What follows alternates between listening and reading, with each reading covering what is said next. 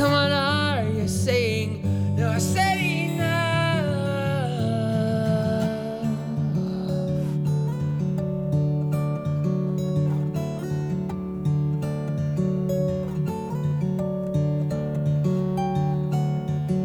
Some say meet your maker, some say enjoy the view, some say let's show this world what we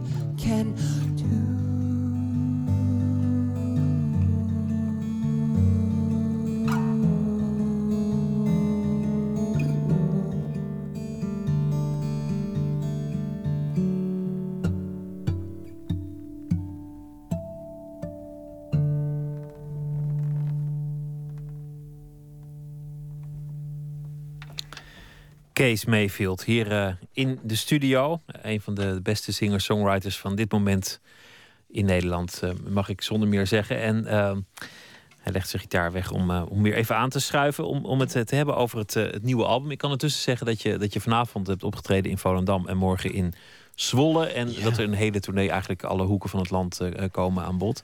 Je zei net, sommige dingen vind ik te persoonlijk om, om uit te geven. Sommige liedjes. Ja. En dat, dat verbaasde me, omdat ik een aantal van, jou, van jouw nummers al heel persoonlijk vond. Eigenlijk. Op, Ja. op, je, op je voorgaande album, op dit album. Er is bijvoorbeeld een, een nummer dat je, dat je richt aan je ouders. En waarin je eigenlijk een, een, vrij hard verwijt maakt. Namelijk, wat is er eigenlijk terechtgekomen van al jullie dromen? Van, van, van de mensen die jullie waren? Dat is mijn, Niet mijn ja. vertaling, maar Snap ik. Ja, niet, niet zozeer een verwijt, maar meer een, een, een eh, ja, een objectief. eh, een iets. constatering. Ja, ja, precies. En ehm, ja, dat vond ik wel interessant om over te schrijven. En of het waar is of niet. Of, of, of zij dat ook vinden. Dat is natuurlijk, eh, ja, dat is aan ieder zich.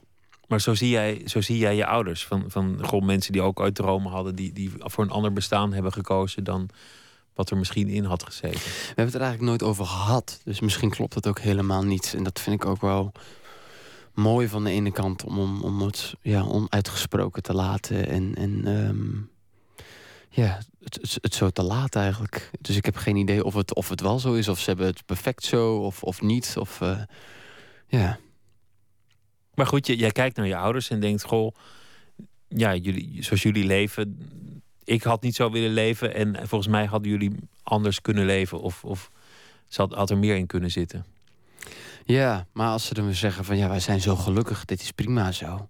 Ja, wie ben ik om te zeggen nee, nee, nee. Nee, je pa, moet- jij je moet, moet een fotograaf worden en mam, jij moet eh, de beste bakkerin van Nederland worden of drumster. Of eh, ja, wie ben ik om te bepalen. Hoe een ander moet leven. Ja, Maar dit is wel een heel wezenlijke eh, eh, vraag, omdat het natuurlijk gaat over nou ja, lotsbestemming, om je, je weg vinden in het leven. En dat het volgens mij wel heel vaak gebeurt dat mensen een ander leven leven met, met alle praktische redenen of excuses die, die er gewoon wel zijn. ik denk inderdaad dat er niks, niks triester is dan mensen die niet kunnen doen waarvoor ze eigenlijk zijn gemaakt. Eh, of, of niet de kans krijgen of zelf zijn vergeten inderdaad waarvoor ze zijn gemaakt. En maar genoeg hebben genomen met iets anders.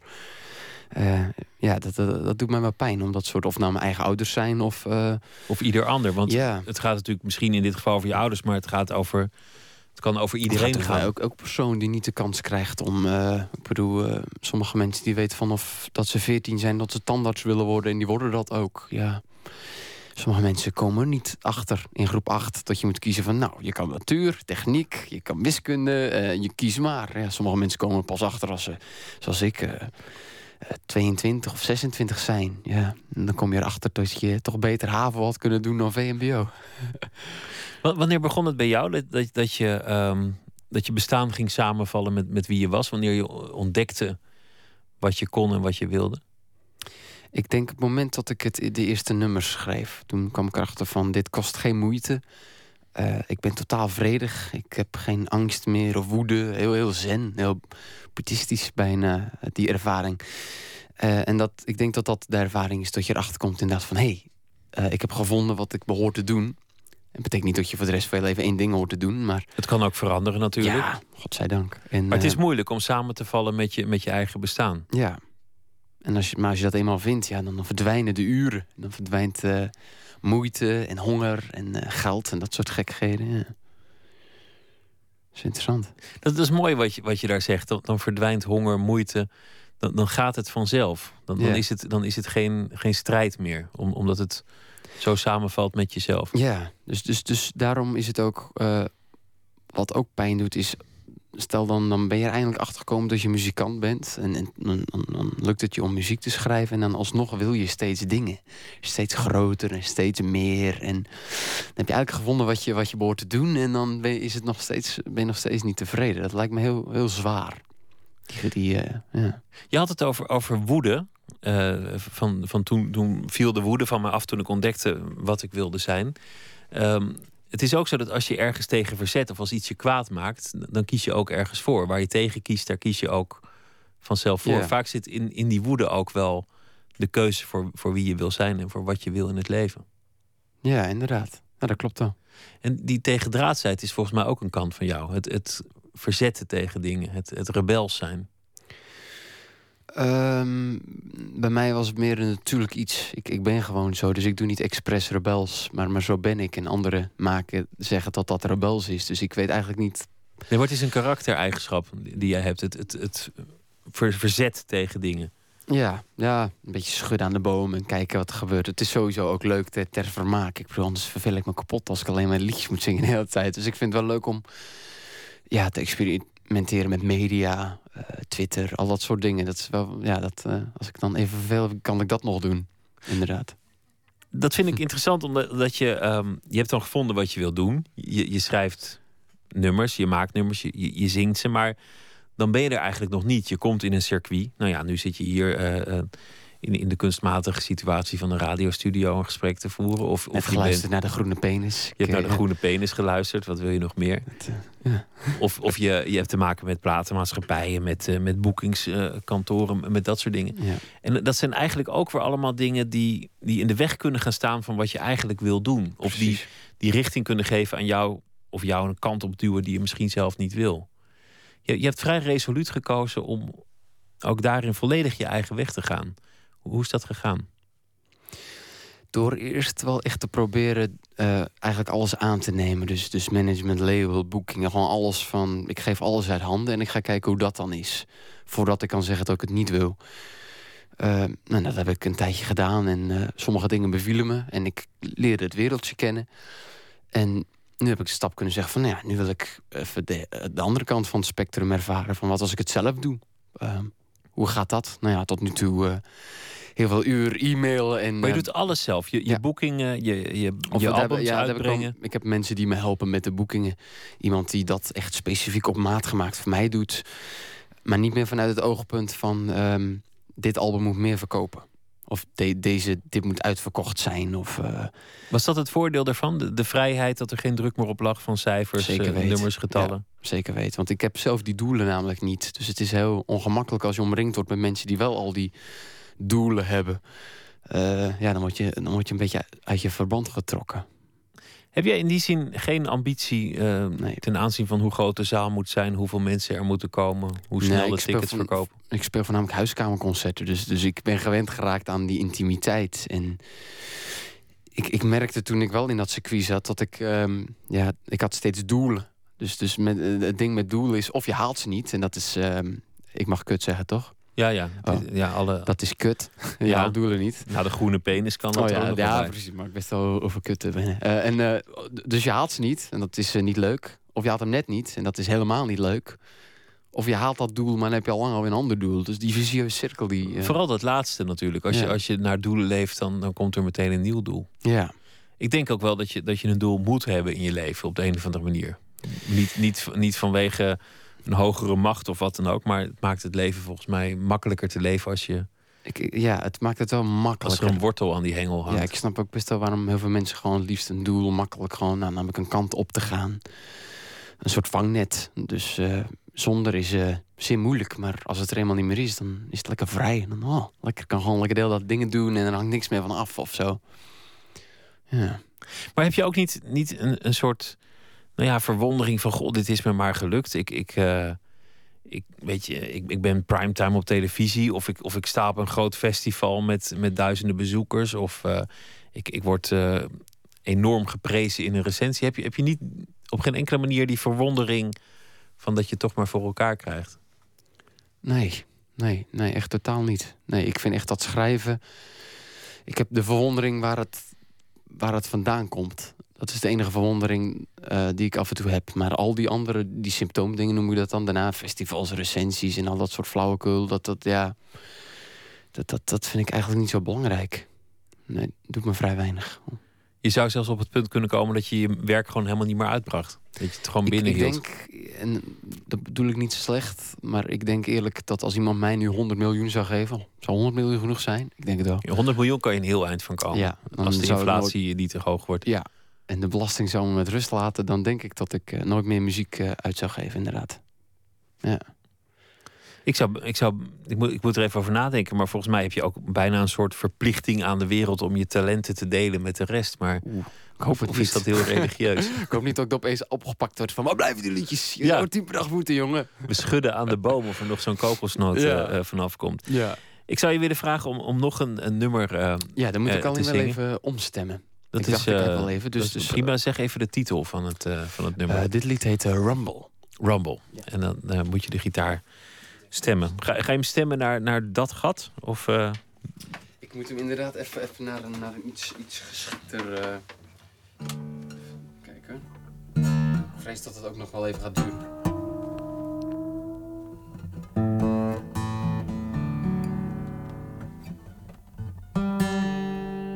Nou ja, dat is ook gewoon lekker live radio. Dat je gewoon... dat je erachter komt hoe dit werkt.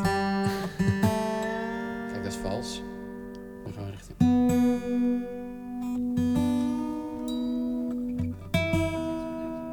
Ja. Ja, ik moet, moet... Ja, daar gaan we. Het ging best snel, dat stemmen. Kees Mayfield hier in de studio van het programma Nooit meer slapen. Hij heeft uh, zijn gitaar even omgestemd. En uh, nu gaan we luisteren naar een nummer van zijn nieuwe album, Another Glorious. Nou ja, ga je gang.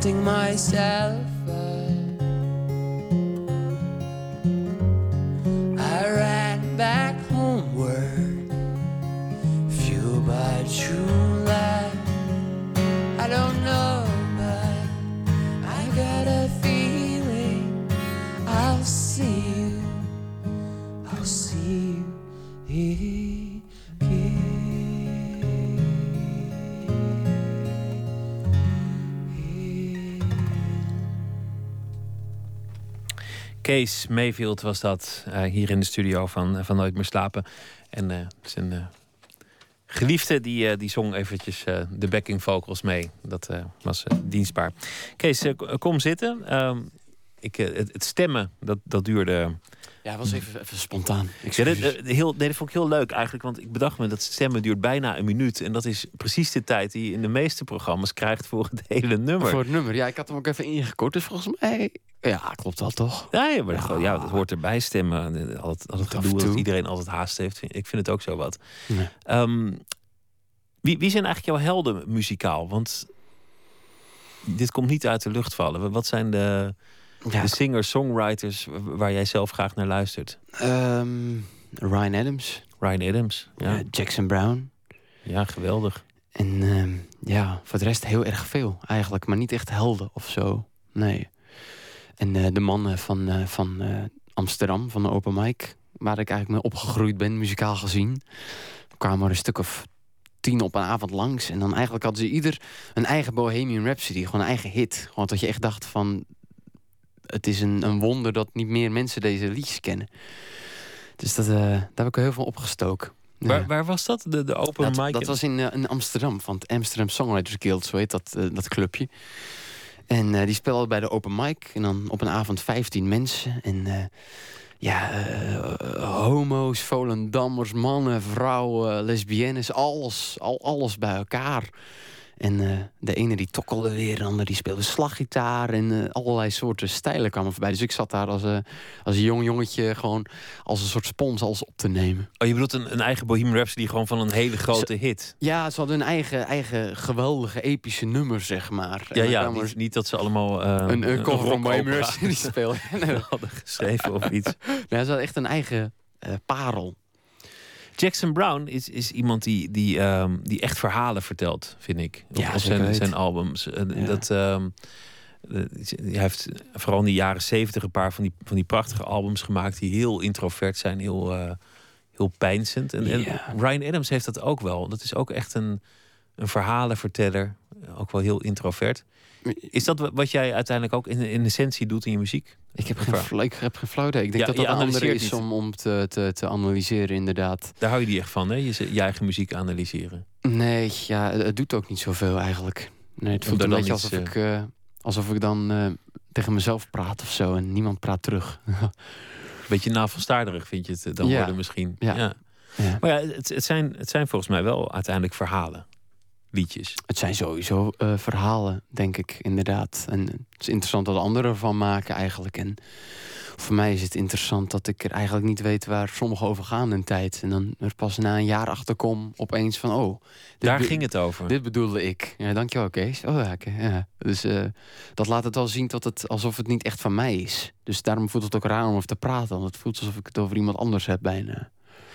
Dus je verbaast jezelf ook. Je, je schrijft een, een nummer en dan later denk je, goh, ja, nee, ik vroeg me af waar het vandaan kwam, maar dit, dit, wat, dit moet het geweest zijn toen. Ja, dus, en daarom als ik dan ook iets heel persoonlijks schrijf, dan durf ik het bijna niet te zingen, omdat ja, gaan zo, maar zoveel koekjes in die, in die koektrommel qua emotie. Ik kan het niet te vaak zingen, want opeens is het ook op, zeg maar. Ryan Adams in der tijd was, was een beetje, eh, voor mijn gevoel, waar de singer-songwriter weer op ten tonele kwam. Hè. Je had in de jaren zeventig die hele goede singer-songwriters. En dan een tijd lang eigenlijk niet. Althans, niet, niet heel prominent. Ze moeten er wel geweest zijn. Tegenwoordig is, is er een enorme golf weer van, ja, van goede liedjeschrijvers. Ja. De een na de ander en eigenlijk allemaal fantastisch. Ja. Ja, ik vraag me af of dat te maken heeft met dat ze er opeens zijn... of omdat we weten dat ze er allemaal zijn nu. Door de, door de internet natuurlijk en de media. En... Dat, is, dat is precies de suggestie die ik, die ik wil doen. Misschien komt het wel omdat dat we een beetje de platenmaatschappijen van ons af hebben geschud. Ja, en, elke muzikant kan zichzelf nu de wereld insturen. En, en, en mensen bepalen, denk ik, dit hebben tegenwoordig meer invloed van... hey, dit is een goede muzikant. Iedereen luistert uh, dit persoon. Dat is interessant. En dat is een goede ontwikkeling. Behalve ja, het, we hebben niet meer de parels van onze tijd. Omdat het zo snel gaat. Er is zoveel goede muziek. Dan heb je weer de War on Drugs. En dan heb je weer een goede plaat van Wilco. En dan komt Karel Emerald weer met een geniale plaat. Uh, het, het beklijft misschien wat minder dan, dan vroeger.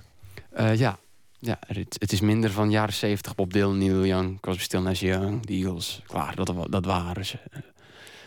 Ja, en daar hebben we het nu nog over. Die, die, die worden nu nog gedraaid. Het is natuurlijk maar afwachten of dat ook geldt voor... Uh, ja. Nou ja, uh, straks gaan die allemaal tegelijk dood. Hè? Je weet dat dat moment eraan komt. Dat die oh, generatie... al die babyboomers gaan. Straks heb je Neil Young, Bob Dylan. Die komen allemaal uit die generatie. Die gaan straks allemaal één voor één dood. De Stones, alle Beatles. Uh, dat wordt een nare periode. Het enige positief is dat dan als zo iemand doodgaat... dan draaien ze de hele dag zijn liedjes op de radio. Dat is waar. En dan daarna, dan, uh, we hebben natuurlijk uh, Jeff Buckley. Oh nee, die is al dood. Jeff, Jeff Kurt Cobain. Oh ja, die is, oh. Amy Winehouse. Oh, die is ook al dood. Ja. Die, die hele generatie, die, over. Die, die, hele generatie die is, die is al, ja, al, al, pleiten. Die is al pleiten. Huiskamerconcerten, zei, zei je net. Is het, dat ga je nu ook weer doen, toch? Of de komende tijd ga je ook kerkjes doen? Ja, we spelen nu in, in, in ja, kerken, inderdaad. De akoestiek is zo geweldig daar. Dus dat versterkt de intimiteit van de muziek. En heb je dan zelf ook contact uh, gezocht met, met die kerken? Ja, die kan je, de meeste kerken zijn tegenwoordig ook, hebben ook een cultuur, uh, culturele tak natuurlijk, omdat ja, ze moeten de kost verdienen. Dus dat is leuk om te zien van, uh, nou, wat voor muziek maakt u dan? Oh ja, ik heb het geluisterd. oh, leuk, interessant. Dat, dat Ja, Marieke Jager heeft het, heeft het net gedaan. Ja, Bonnie Prince Billy die gaat het nu ook doen. Dus het, het is helemaal booming. Kijk, het wordt helemaal hip.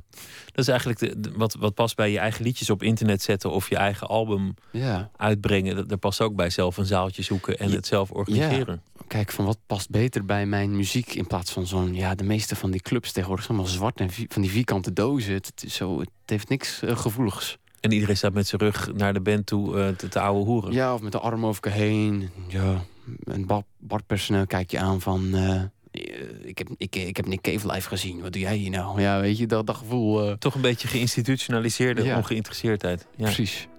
Ik wens je heel veel succes met uh, album en tour. Leuk dat je even langs wilde komen. Dank jullie wel. Kees Mayfield. En nou ja, tot de volgende keer. Tot de volgende keer.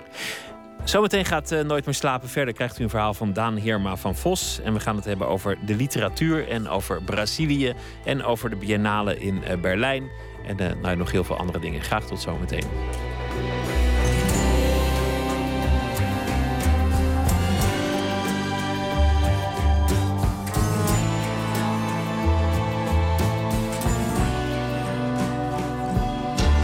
Op Radio 1, het nieuws van alle kanten.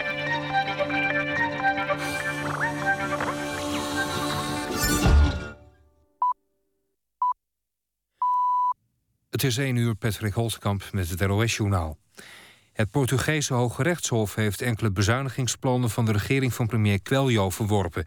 De plannen waren al verwerkt in de begroting voor dit jaar... en de beslissing slaat een flink gat erin. Tegen de maatregelen was bezwaar gemaakt door de socialistische partij PS. Het Hof schrapte onder meer de loonsverlaging voor ambtenaren... en de beperking van pensioenen van alleenstaanden. Vorig jaar zette het Hof nog een streep door een maatregel die het mogelijk moest maken om ambtenaren makkelijker te ontslaan. De nieuwe tik op de vingers van het Hof komt twee weken nadat bekend is geworden dat Portugal niet langer de financiële hulp van Europa nodig heeft. Premier Queljo heeft al gezegd dat hij belastingverhogingen niet uitsluit. De FBI bespiedde Nelson Mandela tijdens zijn eerste bezoek aan de VS in 1990. De federale politie had een informant in de kring rond de burgerrechtenactivist. Blijkt uit documenten die de FBI heeft vrijgegeven. Mandela reisde in juni 1990 elf dagen door de VS... enkele maanden nadat hij was vrijgelaten na 27 jaar gevangenschap. Omdat de VS zijn Afrikaans Nationaal Congres op een zwarte lijst had gezet... vanwege de gewapende strijd tegen de apartheid stond Mandela officieel nog te boek als terrorist. Hij werd pas in 2008 officieel van de Amerikaanse terreurlijst gehaald. Google heeft in Europa gisteren 12.000 aanvragen gekregen van mensen die willen dat bepaalde informatie niet wordt weergegeven als er op hun naam wordt gezocht. Sinds gisterochtend kunnen mensen zo'n aanvraag bij Google indienen. Mensen moeten een formulier invullen waarin ze aangeven waarom ze bepaalde zoekresultaten willen laten verdwijnen. Google bepaalt vervolgens of dat inderdaad gebeurt. Het weer, vannacht opklaringen, overdag veel zon. Het blijft droog en het wordt 16 tot 20 graden. Dit was het NOS Journaal. Radio 1. VPRO. Nooit meer slapen.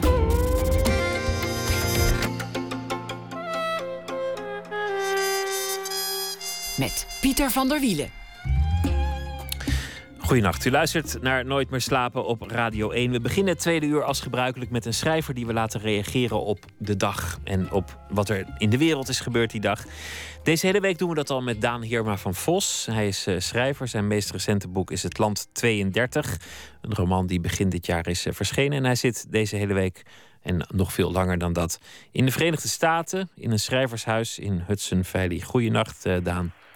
Goedenacht. Goedenavond. ja, is hier ik zit nu in uh, Central Park. Het is 7 uur s avonds. Uh, maar het is nog eigenlijk mooi overdag. En uh, voor me wassen mussen zich in het zand. En het laatste licht van, van overdag valt nu op de tegenover ons liggende, tegenover mij liggende huizen. En de, de ramen lijken van zilverfolie. Het is een hele mooie dag in Central Park. Nou, wat wil je nou nog meer? En dan straks uh, lekker een bisonburger halen of, uh, of wat dat vandaag... In New York kan je beter krijgen dan dat, natuurlijk. Mijn, mijn, ik moet wel... Mijn biografie wordt steeds korter. Je begon maandag. Maandag begon met je nog vier met boeken? een oeuvre. Uh, nam je het woord oeuvre in de mond. En nu is het gewoon nog maar één boek. Dat is eigenlijk wel goed. Ik, ja, word, ik dacht, ik we dacht, komen, we komen tot de essentie. Met die rit. Ja, nee, dat is heel goed. En de essentie, Daan, dat is gewoon je laatste boek. Ja, vind ik ook. En al die ja. boeken daarvoor, ja, dat is Ja. waar eenmaal. Wie kent ze nog nog? Ja, ja. Ja. dat is waar. Zo gaat het in de literatuur. Waar gaan we het eh, over hebben? Waar gaat je verhaal van vandaag over? Over een eh, toespraak die president Obama woensdag eh, hield. Min of meer. Ja. Ja, een toespraak, en daar is hij goed in. Maar zelfs die magie leek even een beetje uitgewerkt, meende ik aan de re- reacties te zien. Uh, ja, dat, gelo dat, dat geloof ik ook. Ik heb, ik heb alleen de, de uh, New York Times erover gelezen en die waren niet, uh, die waren niet zo enthousiast, nee. de Nederlandse krant heb ik, heb ik er niet over gelezen.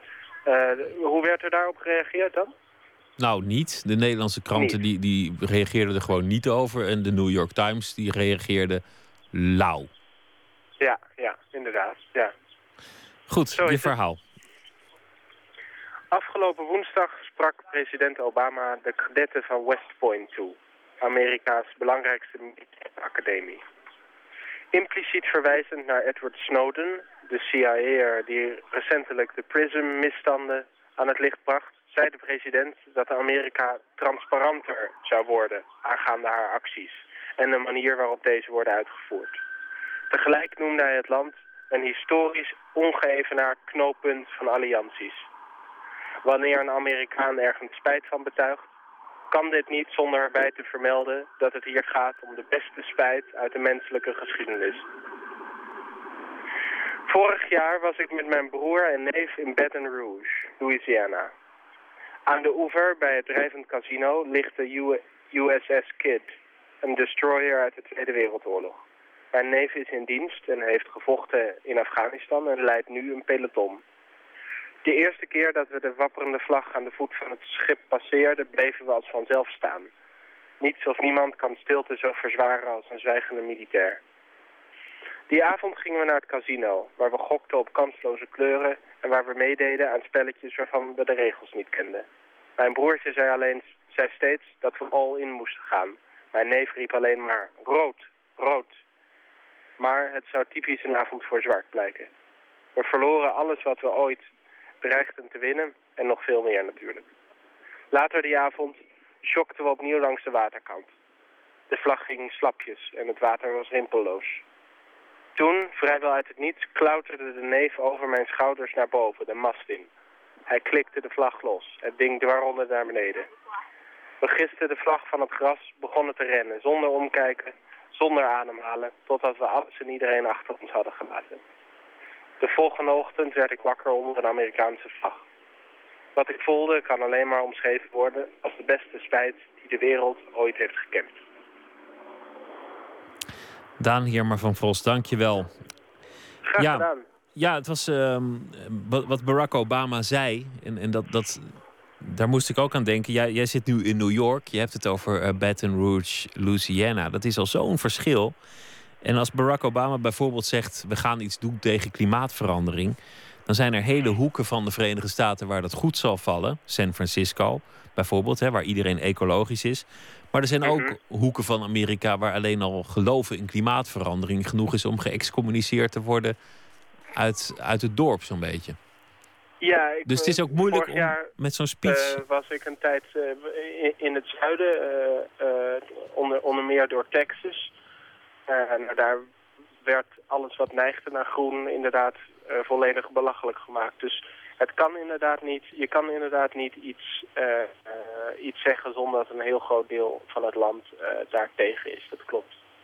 Het land is zo gevarieerd en, en zo wijd. En, en er zijn een aantal dingen die het land bindt, maar toch ook heel veel dingen die het, die, die het gewoon verscheuren uiteindelijk. Ja, ja maar de, als, je de, als je de Times niet meer niet achter je hebt, dan gaat het niet de goede kant op. Zo, eh, zo is het. Daan, dank je wel eh, voor, je, voor je verhalen, voor deze hele Ja, week en voor je beschouwingen. Hoe lang, genoegen. hoe lang blijf je nog in, eh, in de Verenigde Staten? Nog een week of twee. Ja, Oh, dat is, dat is te overzien. Ik wens je heel veel plezier. Nu Ja. in, in Central Park in New York en eh, later gewoon in het schrijvershuis in Hudson Valley. Daan Heerma van Vos, Ja. dank je wel en een goede nacht. Graag gedaan. Dag. We blijven in New York, want eh, daar woont de zangeres eh, Sharon van Etten. Die is alweer toe aan het vierde album in slechts zes jaar tijd. En wij gaan draaien het nummer I Love You, But I'm Lost. One, two.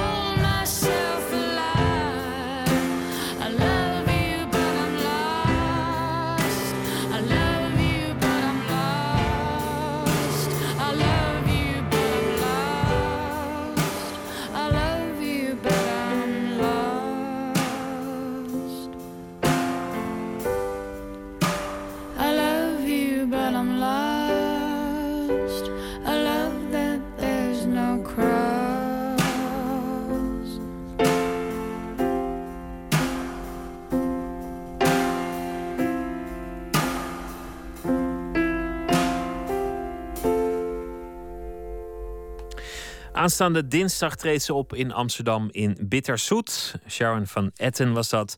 I love you, but I'm lost heette het nummer.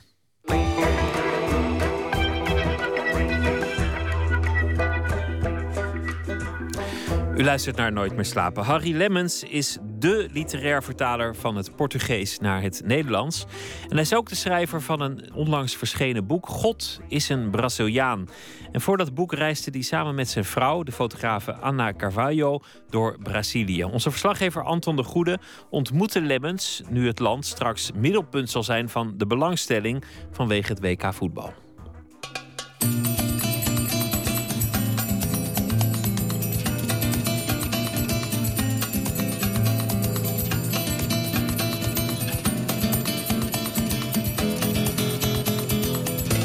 Overal horen, zien en lezen we over Brazilië. Voetbal is daarbij vrijwel steeds de invalshoek. Maar gelukkig is daar literatuurkenner Harry Lemmens... die verder kijkt dan de clichés over het land. Ja, jongens, als dit geen Rio is, dan weet ik het niet. Gerard Joling verruilt deze week de Hollandse lentezon voor de Braziliaanse hitte. Want hij moet zijn gelooide lijf natuurlijk wel aan een minimum aantal zonuren blootstellen. Prachtig mooi weer met de zon. 27 graden en ja, ik ben er helemaal klaar voor. Ipanema, Rio de Janeiro, die wil ik niet. Harry, wat is dit? Ja, dat vraag ik me ook af. Eh, je ziet een Nederlandse grapjaszanger die een, eh, voor de gelegenheid een Carmen Miranda hoed opzet, een fruitmand. En eh, op het strand eh, van Copacabana rondhuppelt. met allemaal eh, close-ups van eh, ditmaal geen dames die, eh, die eh, hun, met hun billen schudden, maar eh, heren natuurlijk. En hij krijgt ook een massage.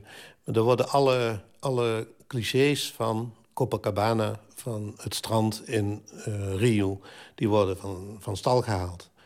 Ja, en we willen met jou praten over die clichés. De clichés van de, bijvoorbeeld sensualiteit, van de lichamelijkheid. Ik, ik moet ook denken aan eh Drummond de Andrade, die Braziliaanse schrijver, bekend van de bundel O Amor Naturel. Heel veel Nederlanders zullen de beelden zich daarvan herinneren. Is Brazilië niet sensueel dan? Die, die eh, bundel waar je naar verwijst van Drummond Andrade... dus, dus dat zijn erotische poëzie. En ehm, dat, dat, eh, daar heeft eh Hedy Honigman al mensen voor gevonden... die het voorlezen allemaal. En eh, dat heeft grote indruk gemaakt. Maar ga nou alsjeblieft niet denken dat iedere bejaarde in in eh, Brazilië dat ontzettend mooi vindt. Want dat is gewoon niet zo. Nee, toch hebben we natuurlijk de beelden van de samba, de carnaval, eh, Brazilië. Eh, je hebt het zelf over Mario Sabino in je boek, schrijver, waarvan je zegt: ja, dat is de wereld van Freud die die uitdraagt. Seks, verslaving. Natuurlijk klopt daar natuurlijk ook wel iets van. Ja, nou ja, de schrijver die je noemt, die, dat is nou net iemand die zich probeert te onttrekken aan die vaste clichés. En hij schrijft over, over, op een bijna wetenschappelijke manier, of in elk geval een, een, eh, een aan, de, aan de wetenschap geleerde manier, om over zaken als libido, als eh, eh, afhankelijkheid van seks, wat, wat seks en erotiek doen binnen relaties enzovoorts. Maar dat is een, dat is een, een, een uiterst moderne roman die, die, die eh, zelfs niet eens zo sensueel is. Eh, die, een, hij wil een analyse geven daarvan. Maar die, die clichés, ja, mensen, als je, als je eh, beelden ziet van de strand en, en eh, van het carnaval, dan is, dan is daar natuurlijk die, die, eh, eh, dat plezier om, om, eh, om, om, om de sensualiteit, om het, om het eh, mooie, om het, om het verleiden, om het. om, eh, ehm, de kunst van het beminnen, zeg maar, die, die is er natuurlijk aanwezig. Maar dat is ook daar weer... Ja, ik kan je een voorbeeld geven. In, in, ehm, toen wij in Belo Horizonte waren, toen reden we met een bus langs, langs een bushalte. En er, stonden, er waren vier mensen op de bus aan het wachten. En als je die foto staat in het boek... En als je dat ziet, dan denk je, ja, waar is hier de sensualiteit? Waar is de allegria, de, de, de, de, de, blijheid waar altijd over gepraat wordt? Die is, dat is gewoon een, een, een tafereel van een bushalte... zoals je die in, overal ter wereld hebt... waarin mensen wachten op de bus. En je ziet dat mensen eh, een bezonjes hebben. Dat ze, dat ze de piekeren over allerlei dingen. Dat, zie je, kun je er gewoon aan afzien. Ehm, ik zeg dit om, om, eh, niet om, om eh, afbreuk te doen aan de mooie kant van, van het carnaval... en de mooie kant van de samba, de mooie kant van het strand. Maar om te zeggen, kijk je daar nog niet op. Til- eh, haal niet één beeld uit de Braziliaanse realiteit en zeg... dit is Brazilië, want dat is het niet. Alô, alô, todas as favelas do meu Brasil. Esse pagode é o lamento da comunidade do Morro do Juramento. Op YouTube is een filmpje te zien met als titel Salvador, één grote favela, wordt 460 jaar. Op de klanken van een vrolijk deuntje strijkt de camera over alle favelas van de stad. Een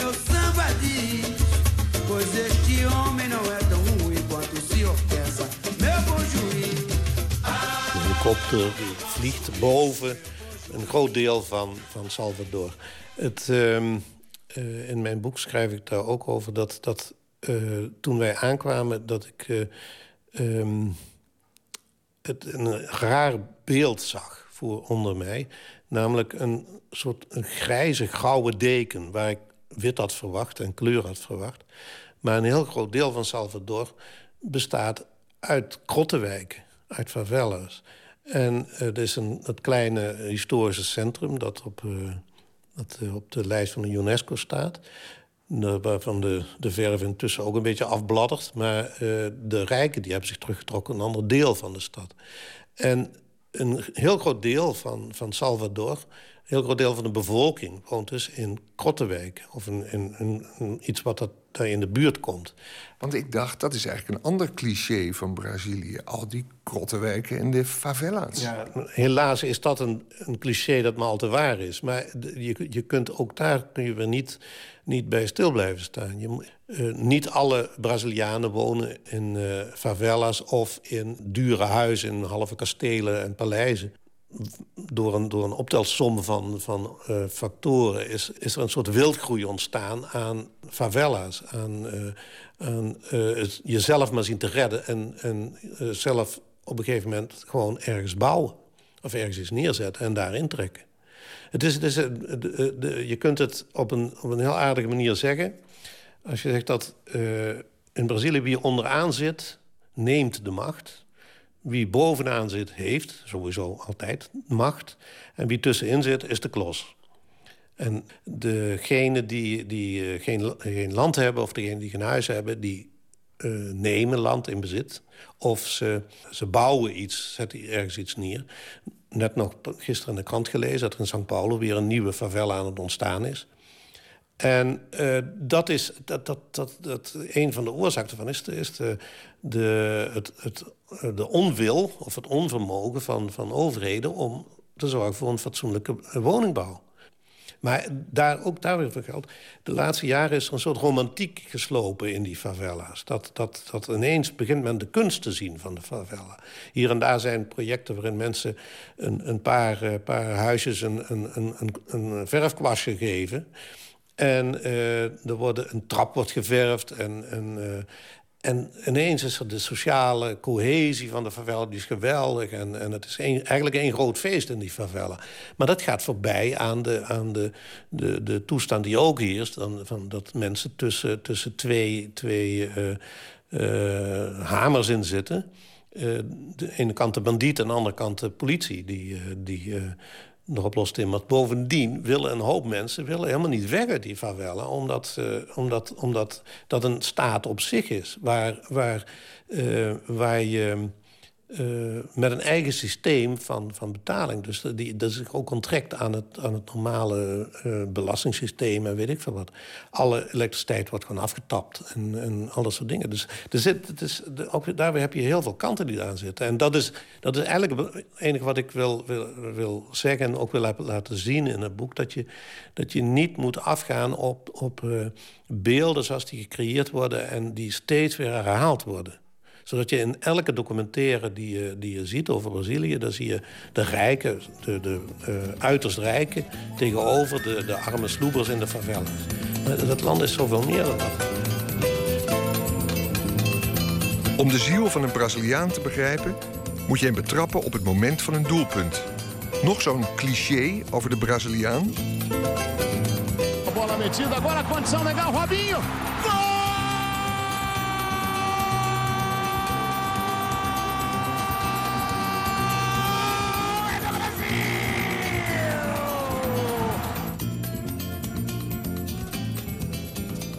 Citeert ergens een tekst op een muur in Porto Alegre. Terwijl ze je uitbuiten, gil jij goal. Ja, dat is, eh, Porto Alegre is, bekend als een stad die, die de, zeg maar de sociale stad die het, eh, waar heel veel beweging is eh, om, om een eind te maken aan, aan ongelijkheid. Het is een stad die, die op een gegeven moment begonnen is met het sociale forum. Dus waar eh, een, een, anders dan de, de, economische topoverleg hè, van de G7 en, en al dat soort dingen. Hebben, eh, ook op sociaal niveau is er zo'n initiatief ontstaan een aantal jaar geleden. Waar Saramago onder andere aan heeft meegedaan. En eh, daar in Porto zie je dan ook een heel sterke, eh, eh, sterke aanwezigheid van, van bevlogen mensen. En dat is een van die dingen, is dit hier als een soort bewustmakingsprogramma. Kijk, verkijk je niet op dat voetbal, er is veel meer dan dat. En je laat je belazeren als je, als je niet oppast. En dat zie je nu ook de laatste maanden. Zijn er voortdurend protesten tegen het voetbal. Omdat, omdat allerlei andere dingen zo achterblijven bij de ontwikkeling. Maar dat, dat wordt eh, waarschijnlijk over twee weken, als het voetbal begint... dan, eh, dan is dat vergeten. En, eh, of Brazilië moet verliezen meteen, dan gaat het fout. Wat gaat er dan fout? Nou, dan kan het tot, natuurlijk tot een uitbarsting komen. Maar er zijn, dat kan op verschillende manieren gebeuren. Dat kan eh, eh, komen door de, door de... Vergeet niet dat, dat, dat de bandieten in de, in de favelas gewoon macht hebben. En die hebben ook... eh, er is een pacificering ontstaan nu de laatste tijd. heeft plaatsgevonden. En, ehm, maar die macht die blijft natuurlijk. En als zij willen... Er zijn zoveel wapens. Kan, kan er altijd eh eh, rotzooi getrapt worden en hergemaakt worden. Is, is, is, is de situatie echt zo explosief eigenlijk in Brazilië? Die, die, is, die is tamelijk explosief, ja. Die kan, dat kan elk moment gebeuren. Ik weet niet, niemand heeft daar belang bij. Zolang er geen belang is, zal het niet gebeuren. Maar die dreiging is wel voortdurend aanwezig. Dat, dat het ooit gebeurt. Daarom, het, is ook, ja, het is een probleem dat moet worden opgelost. Maar goed, Wat, is- wat, wat is dan het probleem? Het, het probleem van de, van, van, van de favelas, van de, de, het probleem dat in de grote steden... dat een groot gedeelte van de bevolking eh, geïsoleerd van, van, van de georganiseerde structuur leeft. Eh, wel werkt binnen die georganiseerde structuur, maar niet erin leeft. En, en dat is natuurlijk een groot probleem. Ik hoop dat eh, Nederland straks in de ban is van jouw net verschenen boek... God is een Braziliaan, waar ook foto's van jouw vrouw in staan. Je noemde het net, Anna Carvalho. En ehm, waarom heet het God is een Braziliaan? Eh, dat is een, eh, een, een, in Brazilië een beetje een cliché. eh Deus é brasileiro. Dat God een Braziliaan is. Dat, dat heeft twee... je kunt het positief uitleggen. Dan, dan betekent het dat Brazilië zo volmaakt is, zo mooi is... dat God wel een Braziliaan moet zijn geweest. Toen hij dat, dat. De andere uiterste dat mensen die zeggen... nou, als je, kijk eens naar Brazilië. eh, eh, het zit, hoe het in elkaar zit. Alles gaat eh, fout en niets klopt. En, het gaat verkeerd. Dus God moet wel een Braziliaan zijn geweest. Zo belabberd als het in elkaar zit.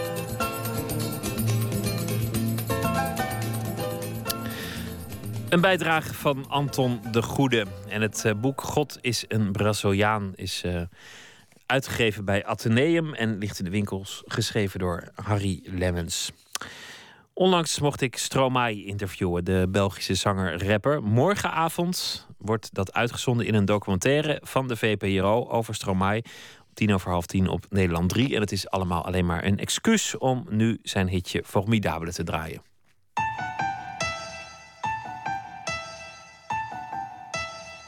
Formidable, formidable. Tu étais formidable, j'étais formidable. Nous étions formidables. Formidable. Tu étais formidable, j'étais formidable. Nous étions formidables. Oh bébé, oups, mademoiselle, je vais pas vous draguer. Promis, juré, je suis célibataire depuis hier, putain. Je peux pas faire d'enfant et bon, c'est pas, hé, reviens, cinq minutes quoi. Je t'ai pas insulté, je suis poli, courtois et un peu fort bourré. Mais pour les mecs comme moi, j'avais autre chose à faire. Hein. M'auriez vu hier, j'étais formidable. Formidable. Tu étais formidable, j'étais formidable. Nous étions formidables. Formidable. Tu étais formidable, j'étais formidable. Nous étions formidables. Oh, tu t'es regardé, tu te crois beau parce que tu t'es marié. Mais c'est qu'un anneau, mec, t'emballe pas. Elle va te larguer comme elles le font chaque fois. Et puis l'autre fille, tu lui en as parlé. Si tu veux, je lui dis, comme ça c'est réglé. Et au petit aussi, enfin si vous en avez. Attends 3 ans, 7 ans, et là vous verrez si c'est formidable. Formidable. Tu étais formidable, j'étais formidable. Nous étions formidables. Formidable. Tu étais formidable, j'étais formidable. Nous étions formidables. Hé petite, un pardon petit. Tu sais dans la vie, y a ni méchant ni gentil. Si maman est chiante, c'est qu'elle a peur d'être mamie. Si papa trompe maman, c'est parce que maman vieillit, tiens. Pourquoi t'es tout rouge? Bah, Reviens, gamin. Et qu'est-ce que vous avez tous à me regarder comme un singe, vous? Ah oui, vous êtes sains, vous. Bande de macaques, donnez-moi un bébé singe. Il sera formidable. Formidable. Tu étais formidable, j'étais formidable. Nous étions formidables. Formidable. Tu étais formidable, j'étais formidable. Nous étions formidables.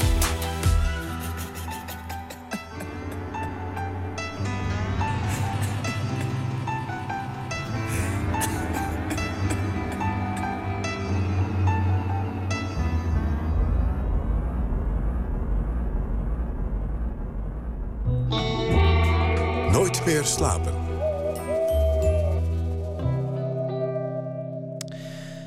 Elke vrijdag krijgt u cultureel advies van een van VPRO's smaakmakers. En vannacht doen we dat met kunstcritica en directeur van het Frans Hals Museum in Haarlem, Anne de Meester. Goedenacht, Anne.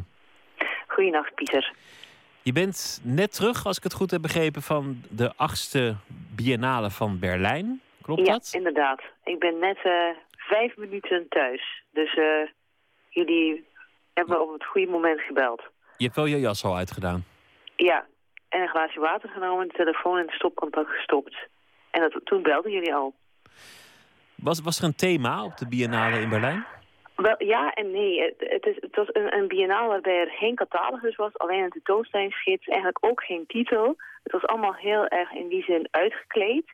Maar het thema wordt eigenlijk bepaald door de plekken waarop de biennale eh, plaatsvindt. Dat is iedere, iedere twee jaar anders. Het thema is eigenlijk altijd, het uitgangspunt van deze biennale is altijd de stad Berlijn en de transformatie die die stad ondergaat. En de tentoonstellingsmaker nu, Juan Gaetan, een Canadese Mexicaan die lang in Rotterdam heeft gewoond, heeft drie, eh, twee bijzondere plekken uitgekozen eh, om de tentoonstelling te maken. En een daarvan is het Dahlem Museum. En het Dahlem Museum is eigenlijk het etnografisch museum van Berlijn. Waar collecties zijn met objecten en culturele artefacten die geroofd, gestolen of meegebracht zijn uit Afrika, de Amerika's, Oceanië, Australië en Azië. En dat bepaalt eigenlijk een beetje het thema van de biennale. Ehm, het Dus dan is het thema iets, iets etnografisch, iets volkenkundigs. Eh, het gaat hem eigenlijk van hoe, kijk je, hoe, kijken we, hoe kijken en keken wij vanuit Europa naar de ander, naar het niet-Europese. En het is eigenlijk ook een soort uh, een blik op, uh, een indirecte blik op het, het, koloniale rijk. Niet noodzakelijk het koloniale rijk van Duitsland, want dat is nagenoeg onbestaande. Maar meer van hoe wij in het Westen eigenlijk altijd naar het niet-Westen hebben gekeken door allerlei fragmenten van uit verschillende culturen naar ons toe te halen. Er waren wetenschappers, handelaars, kunstenaars en priesters die naar de koloniën trokken en daar objecten mee naar huis namen. En dat heeft eigenlijk onze kennis van vreemde culturen bepaald en heeft ook tot heel veel misverstand geleid. En die biennale is daar een soort indirecte bespiegeling op. Maar wel met hedendaagse kunst. Kunstenaars van nu die daar iets mee doen. En het, is ook, het heeft ook heel erg met de actualiteit te maken. Want uh, wat sommige mensen misschien weten, in Berlijn zijn ze bezig met uh, de, het herbouwen van uh, wat in het Pruisische Rijk het keizerlijk paleis was, het stadsschlos. Dat is in de Tweede Wereldoorlog beschadigd, daarna voor, voor verwoest tijdens de DDR-tijd in 1950 en toen herbouwd als een palast der Republiek, waar de DDR-regering zat. En in 2006 is dat Palast der Republiek ook weer afgebroken. En dat wordt momenteel herbouwd en dat wordt uh, het Humboldt Forum. En dat is typisch zo'n soort reconstructie waarbij het gebouw heel belangrijk was, maar dat dan, dacht van, oh, wat gaan we daar dan in tonen? Wat gaan we daarmee doen? En nu is de bedoeling dat die etnografische collecties daarheen gaan. Dus het is ook heel actueel. Maar wat mm, de curator en zijn vele hulptroepen hebben eigenlijk kunstenaars uitgenodigd om op allerlei manieren na te denken over koloniale geschiedenis en wat we daar nu mee doen. En wat, wat dan levert dat op? Kun je, kun je een voorbeeld geven van Ja. een werk dat, dat daaruit voortkwam? Maar twee, twee werken die, één vond ik ontzettend mooi en de andere is interessant. Eén is van een Colombiaans kunstenaar, Alberto Baraya. Hij eh, doet eigenlijk het om, wat, wat wetenschappers en ontdekkers deden in de 18e en 19e eeuw in de Amerika's. Erheen gaan en bijvoorbeeld allerlei planten eh, meenemen naar huis en die an- analyseren. Doet hij nu in een soort omgekeerde beweging. Hij gaat overal ter wereld op zoek naar kunstbloemen. En hij maakt daar een soort wetenschappelijke beschrijving van. En dat klinkt heel erg absurd, maar wat je uiteindelijk ziet is bijna een soort natuurwetenschappelijk mini-museumpje dat hij bouwt. En waarin hij eigenlijk analyseert waar die kunstbloemen te zien zijn, waaruit ze bestaan en waar ze eigenlijk vandaan komen. En dan kom je er dat heel veel kunstbloemen die in Berlijn getoond worden in Shenzhen in China zijn geproduceerd. En dat het eigenlijk allemaal niet besta of in botanisch opzicht niet bestaande bloemen zijn. Dus hij keert eigenlijk die eh, misschien, misschien de koloniale relatie om. Vroeger gingen westerlingen naar Colombia om daar eh, cultuur en, en natuur studeren. En hij komt nu als Colombiaan naar Europa om kunstmatige planten te bestuderen. Dat is een eh, interessant werk. Ik vond het zelf niet ja, een beetje plat. Een ander voorbeeld is een eh, Nigeriaanse kunstenaar, Otto Nkanga. die hier in Nederland heeft gestudeerd. En zij heeft een hele verleidelijke, mooie installatie gemaakt. Met, met, met filmpjes, met eh, mineralen, met stenen, met make-up. En het is eigenlijk een soort, ehm, of het centrale ehm, item in haar installatie is een mineraal, dat heet mica. En dat wordt zowel gebruikt in eh, make-up als bijvoorbeeld in radarsystemen. En zelf heeft zij daar een herinnering aan uit haar jeugd als een soort magisch materiaal.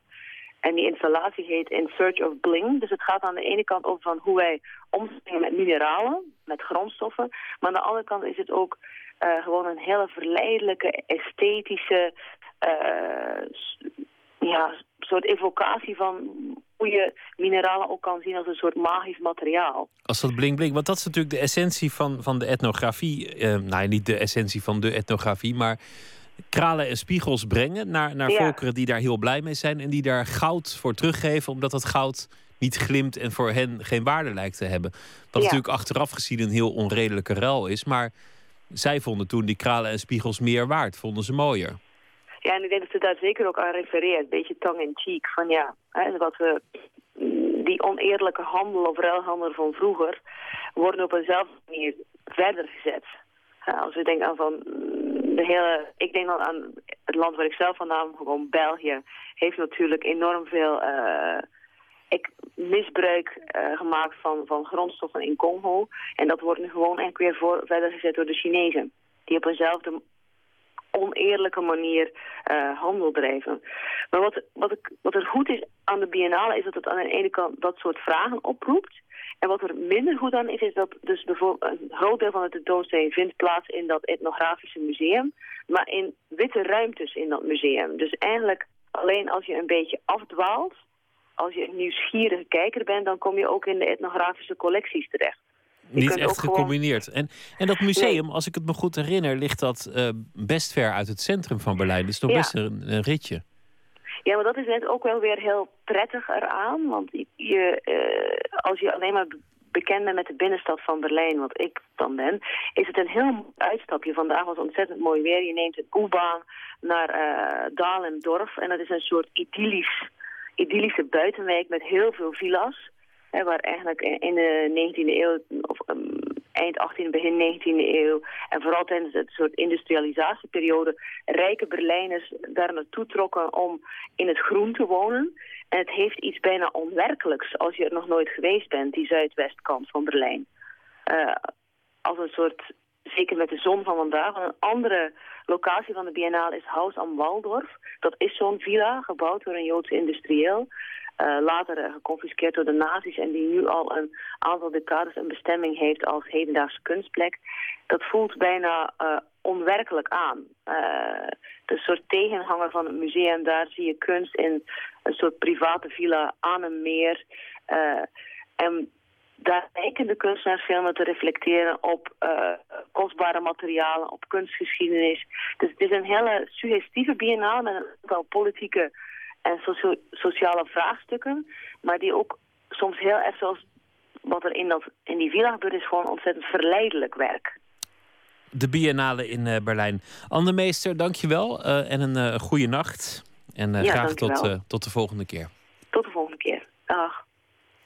Blik Bassi is uh, de soulstem van Cameroen. De jonge Bassi groeide op in de hoofdstad Yaoundé. In een gezin met 21 kinderen. Tegenwoordig woont hij al een poosje in Parijs. We gaan iets draaien van zijn debuutalbum Le Mans.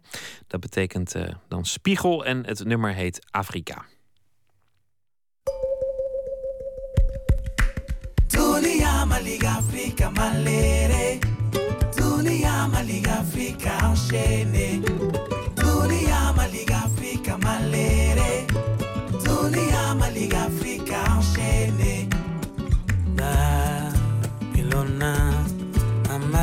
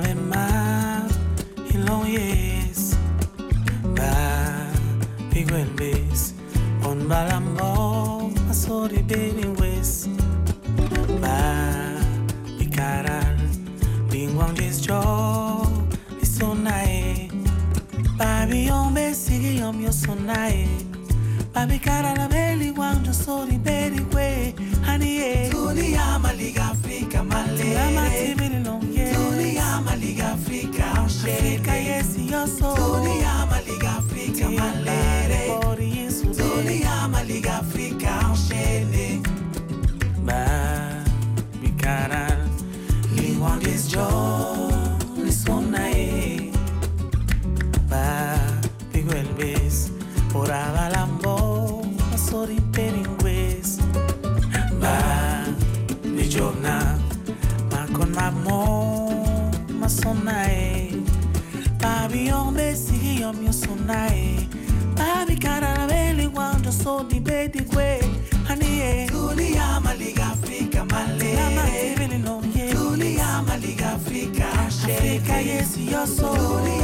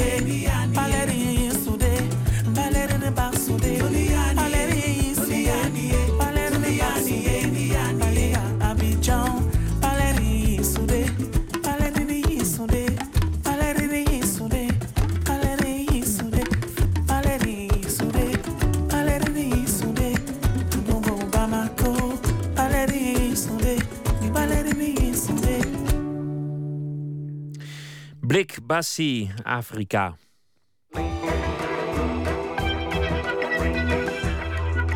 En van Afrikaanse muziek gaan we naar een harpsensatie. Remy van Kesteren wordt gezien als een van de meest toonaangevende harpisten van dit moment.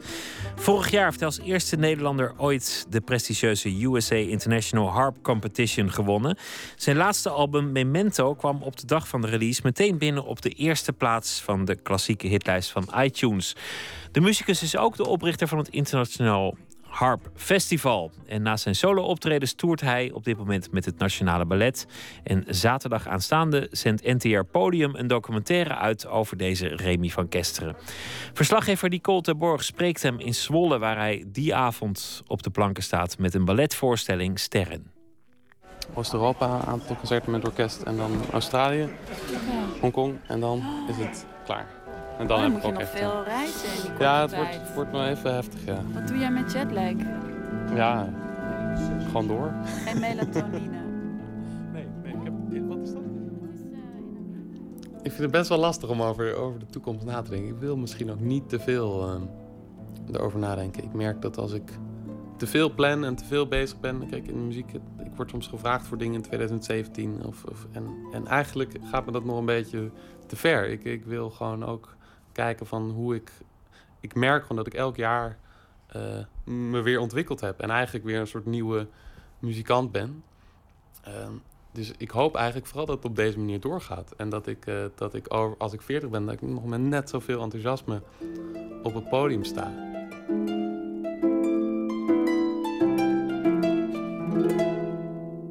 Ik heb heel lang gedacht dat, dat, eh, dat het voor mij heel belangrijk is om in de grootste concertzalen te staan. Eh, nou, inmiddels heb ik in aardig wat van die grote zalen gespeeld. En, en het is natuurlijk geweldig en nog steeds hoop ik eh, dat dat ook in de toekomst te blijven doen.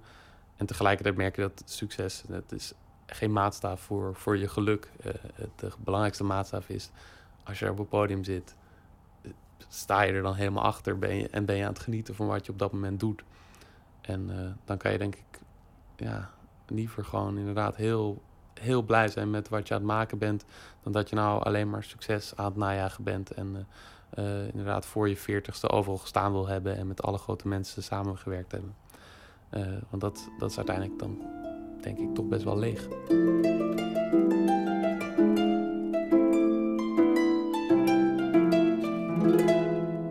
Maar waarom juist dit jaar? Ik weet het niet. Het lijkt een soort alles. Misschien als een soort eh, positieve quarter-life crisis of zo. Dat, eh, bijna 25. En ineens eh, lijkt alles, alles te lukken wat ik wil. En alles soort van samen te komen. En ja, hangt iets in de lucht. Regisseur Jan Kelder heeft mij een jaar lang gevolgd. En met een hele filmploeg. En het was best wel heftig natuurlijk dat ze er steeds bij zijn. En dat je ergens naar binnen gaat en dat ze dan zeggen... hey, kan je nog eens een keer wat rustiger naar binnen lopen... want we hebben de shot net niet. Eh, maar aan de andere kant natuurlijk geweldig dat je... Dat, ja, het was nogal een vol eh, jaar, veel gedaan. En heel leuk dat er nu een document van is... wa- waar zij alles hebben gevolgd. Maar ook waar ik... eh, wat ik heb gevraagd, eh, ik, toen ik met Jan Kelder over had... zei van ja, ik vind niet zo interessant als nou een of ander jubelportret wordt... eh, met van alles van, oh ja, dit gaat goed of dat gaat goed. We dan echt zien hoe het is. En eh, vorige week zag ik eh, de, de preview. En het is echt een heel ja, soort eerlijk portret geworden... waar je ook ziet dat het best wel... ja, wat het ook met je doet als er, als er heel veel dingen gebeuren... en mensen veel van je verwachten. En dat dat... ja, wat, het was best wel een heftig jaar of zo. Ik schrok eigenlijk wel van toen ik het terugzag. Ik dacht, jeetje, Mina, moet dat nou allemaal, moest het allemaal per se in één jaar gepropt? Had het nou niet eh, verspreid kunnen worden over, eh, over drie of vier jaar?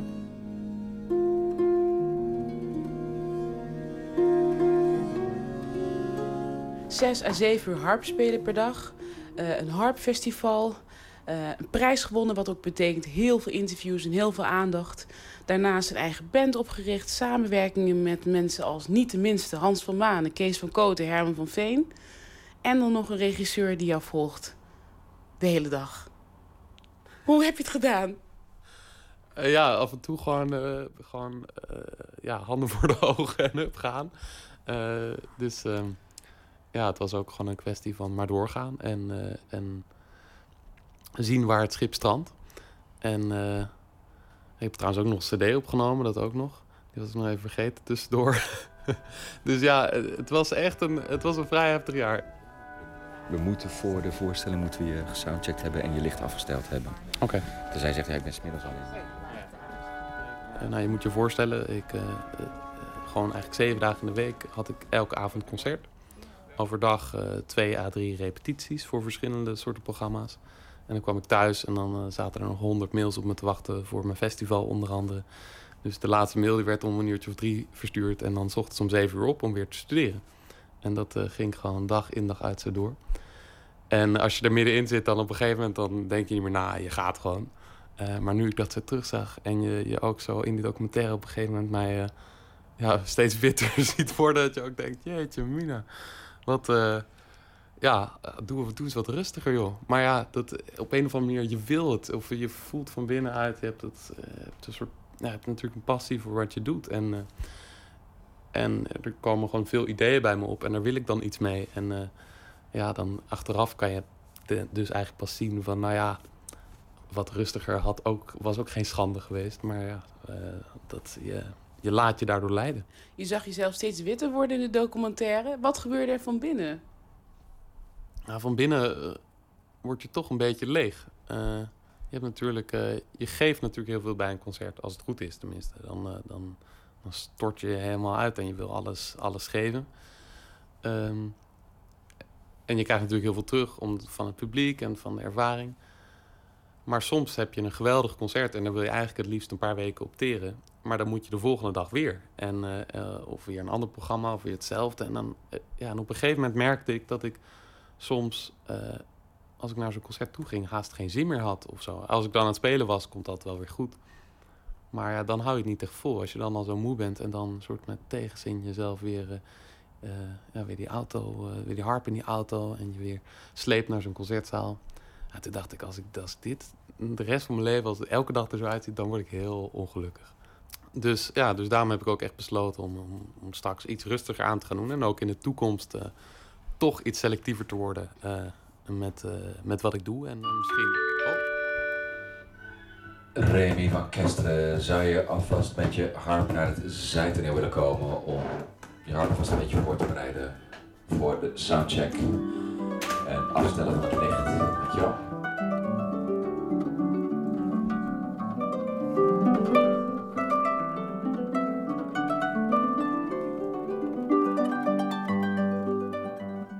Je werkt samen met eh, Kees van Koten, Hans van Manen onlangs, hè? Dutch Doubles, Herman van Veen. Hoe komt het dat jij steeds eh, de samenwerking opzoekt met eh, mensen uit andere disciplines? Ja, ik hou heel erg van, van, waar, ja, van dingen maken. En, en ik hou er ook heel van waar kunstdisciplines elkaar ontmoeten. Ik geloof daar, daar kunnen de mooiste dingen ontstaan. Want dan ga je op ja, onverkend gebied, onbekend terrein ga je te werken. En dan kom je tot allemaal vondsten. Dan, dan vraagt eh, zo iemand ineens van... zou dit misschien ook mogelijk zijn? Een, een vraag bijvoorbeeld voor bepaalde klanken... waar een harpist nooit aan zou denken. Want ja, dat doe je niet op een harp. Maar eh, een choreograaf zegt, eh, die zegt ineens van... ja, kan je niet als een strijkkwartet dit spelen of zo? Of, of, of, of het komt met heel... En, daardoor ga je zelf weer je grenzen verleggen... en kom je weer tot nieuwe dingen. En bovendien, ja, ik hou helemaal niet van, van hokjes of genres. En ik eh, ja, probeer daar een beetje los van te komen. En door ja, met andere mensen samen te werken, komt ook die harp een beetje los van dat, van dat standaard beeld. En eh, wat betreft labels was dat trouwens ook heel grappig. Dat, dat ik had een concert met, eh, met Kees. En, en het stond toch aangekondigd als een klassiek concert. Want ik kom natuurlijk, ik heb een klassieke achtergrond. Maar de muziek is eigenlijk meer jazzy. Het is meer jazzy geschreven. Het gaat eigenlijk alle kanten op. Maar goed, dus er zat het geëikte klassieke muziekpubliek. Dus wat oudere mensen. eh, nou, die hadden een geweldige avond. En opeens stond het eh, eigenlijk per ongeluk als een, eh, als een jazzconcert aangekondigd. Precies hetzelfde concert, precies dezelfde aankondiging. Alleen één woordje verschil, niet meer klassiek, maar er stond ineens jazz. En wij dachten, oh jee, van nou, straks hebben we geen publiek. En toen zat er dus ineens een stuk ander meer jazzpubliek, dus meer gemêleerd. Dus ook jonge mensen en eh, een totaal andere, andere samenstelling. En die had het net zo naar hun zin als dat andere publiek. En toen dacht ik eigenlijk aan de ene kant, oh, wat leuk, wat geweldig, dat je verschillende mensen bereikt. En tegelijkertijd, wat ontzettend jammer dat wij ons eh, door één zo'n woordje eigenlijk laten leiden. En, en daardoor dus ook besluiten om ergens wel of niet naartoe te gaan. En vooral het niet ergens naartoe gaan is natuurlijk zo jammer. Want ja, je weet dus eigenlijk niet wat je mist. En als daar nu een ander woordje had gestaan, had, eh, had die hele zaal van mensen had dat nooit gezien. Dan waren andere mensen erop afgekomen. En vice versa. Wat heeft dat jou geleerd, deze ervaring? Nou, dat we zo snel mogelijk van die, eh, van die hokjes nog veel meer af moeten. En eh, de klassieke muziek is al een niche. Uh, harpmuziek nog, nog, nog meer natuurlijk. Ik ken weinig mensen die zeggen... nou, ik heb vanavond, waar heb ik zin in? Oh, ik wil eens naar een harpconcert. Er is natuurlijk niemand die dat bedenkt. Eh, dus het, het, het eigenlijk wat, wat ik... Terwijl als mensen komen en als ze in de zaal zitten... Dan, jeetje, wat te gek, wat kan er allemaal op het instrument? En eh, ja, dus ik, ik hoop gewoon dat we uiteindelijk er gewoon helemaal vanaf komen. En dat mensen gewoon... Ja, kijk, met muziek beoordelen op wat op eigenlijk het belangrijkste. Is het goed of is het slecht? En je hebt ontzettend goede klassieke muziek. Je hebt trouwens ook heel slechte klassieke muziek. Maar, en hetzelfde heb je natuurlijk ontzettend goede pop, maar je hebt ook heel slechte pop en zo. En in plaats van dat we dat nou in die genres onderschikken, zou ik gewoon veel liever hebben dat we die genres de deur uit doen, de prullenbak ermee. Eh, en dat het gewoon gaat om goede muziek. Hebben mensen die hokjes ook niet nodig voor eh, houvast? Ja, maar daar denk ik nou juist dat kunst zo mooi voor is. Om alle houvast te laten gaan en je te verdiepen in andere werelden. En juist dingen die je niet kent. Dat vind ik in ieder geval het allermooiste. Als ik verrast word, als ik eh, kunst zie waar... En dat ik denk, jeetje, dat had ik nooit kunnen bedenken. Da- daar word ik geraakt van. Als, als dat zo creatief is en op een nieuwe manier bedacht. En eh, we hebben die hokjes inderdaad voor van alles en nog wat nodig. Zodat je weet eh, welke auto je moet kopen, welke kleren je aan moet, et cetera. En, eh, maar ik zou juist zeggen, juist bij kunst, probeer daar dan vanaf te komen. En ga dus juist naar iets waar je misschien in eerste instantie denkt, dat is niks voor mij. En, en af en toe heb je misschien gelijk, maar er zal, zal een keertje tussen zitten, weet ik zeker. Dat je denkt, jeetje, als ik dit had gemist, dat je je leven eigenlijk niet meer kan voorstellen. Ik bedoel, ik denk dat kunst dat kan hebben en eigenlijk moet zijn.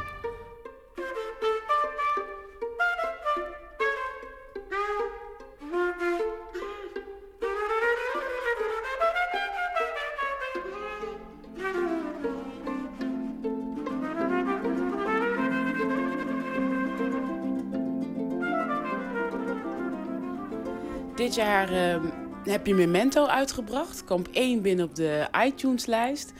En ik hoor heel veel Braziliaanse en Spaanse invloeden. Waarom wilde je dat brengen op deze cd?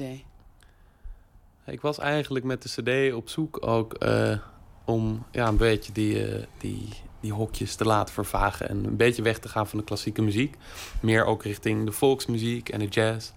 En de Spaanse en de Braziliaanse muziek hebben dat natuurlijk heel erg in zich. Dat is eh, gecomponeerde muziek, maar gebaseerd op de volksmuziek en met ja, en vol van verhalen. En ik ben gek van verhalen. En ik, ik vind die volksmuziek, dat wat zoveel vertelt, dat, ja, daar geniet ik zo erg van. En het, en het is gewoon prachtige muziek. En ik heb in, zowel in Brazilië en Spanje eigenlijk een... Ja, toen ik daar was en toen ik daar speelde...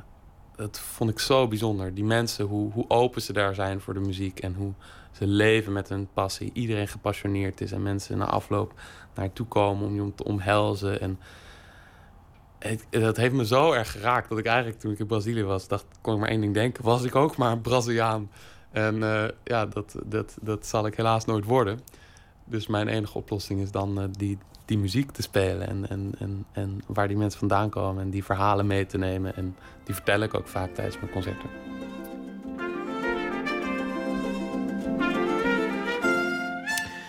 De documentaire Remy van Kesteren, De Wereld als Harp, is op 1 juni te zien in NTR Podium om 1 uur op Nederland 2.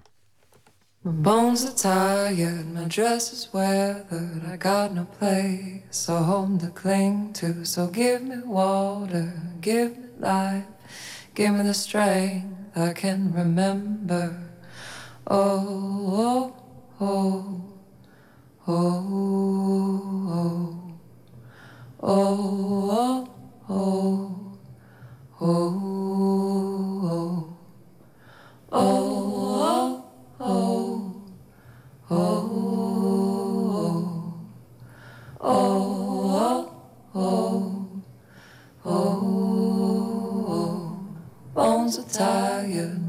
dress is weathered. I got no place to cling to, so give me water, give me life. Give me the strength I can remember. Oh, oh, oh, oh, oh.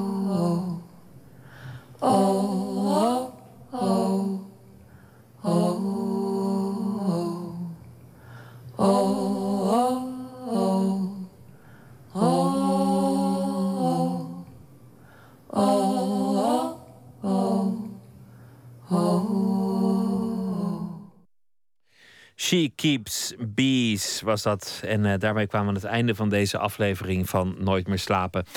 Zometeen eh, gaat eh, de VPRO verder op Radio 1. En dat nog tot in het vroege ochtend krieken. Frank Jochemsen, wat gaat er allemaal gebeuren? Ja, we hebben een nacht in het programma Woord over folklore. En dan in de breedste zin van het woord. Dus wat te denken van Lamme Liedjesavond. Heb je daar ooit van gehoord? Nee, ik hoor het nu voor het eerst. Ja, ik eigenlijk ook. Maar dat komt straks na zevenen pas. Maar ook Spakenburgse klederdracht gaan we het over hebben. Het Jordaan Festival. eh Kievits eieren zoeken. eh, echt, echt. Nou, je hoort nu alleen maar Hollandse folklore. Maar er gaan ook bijvoorbeeld eh, mooie slaapliedjes voorbij komen. Dat is een nieuwe serie. Eh, Woord is eigenlijk een archiefprogramma natuurlijk. Maar we laten ook nieuwe dingen maken. Dus we hebben een nieuwe reeks. Die gaat, gaat over slaapliedjes van over de hele wereld. Slaapliedjes, nou, natuurlijk. daar ga ik zeker naar luisteren. En dat eh, zal me helpen bij het eh, vergaren van eh toch Dat nog moet toch louterend zijn? Ja, Ja, precies. fantastisch. Heel veel plezier bij Woord.nl tot het ochtendgloren. En wij zijn er maandag na eh, middernacht weer met Nooit meer slapen. Ik wens u een eh, vrolijk weekeinde.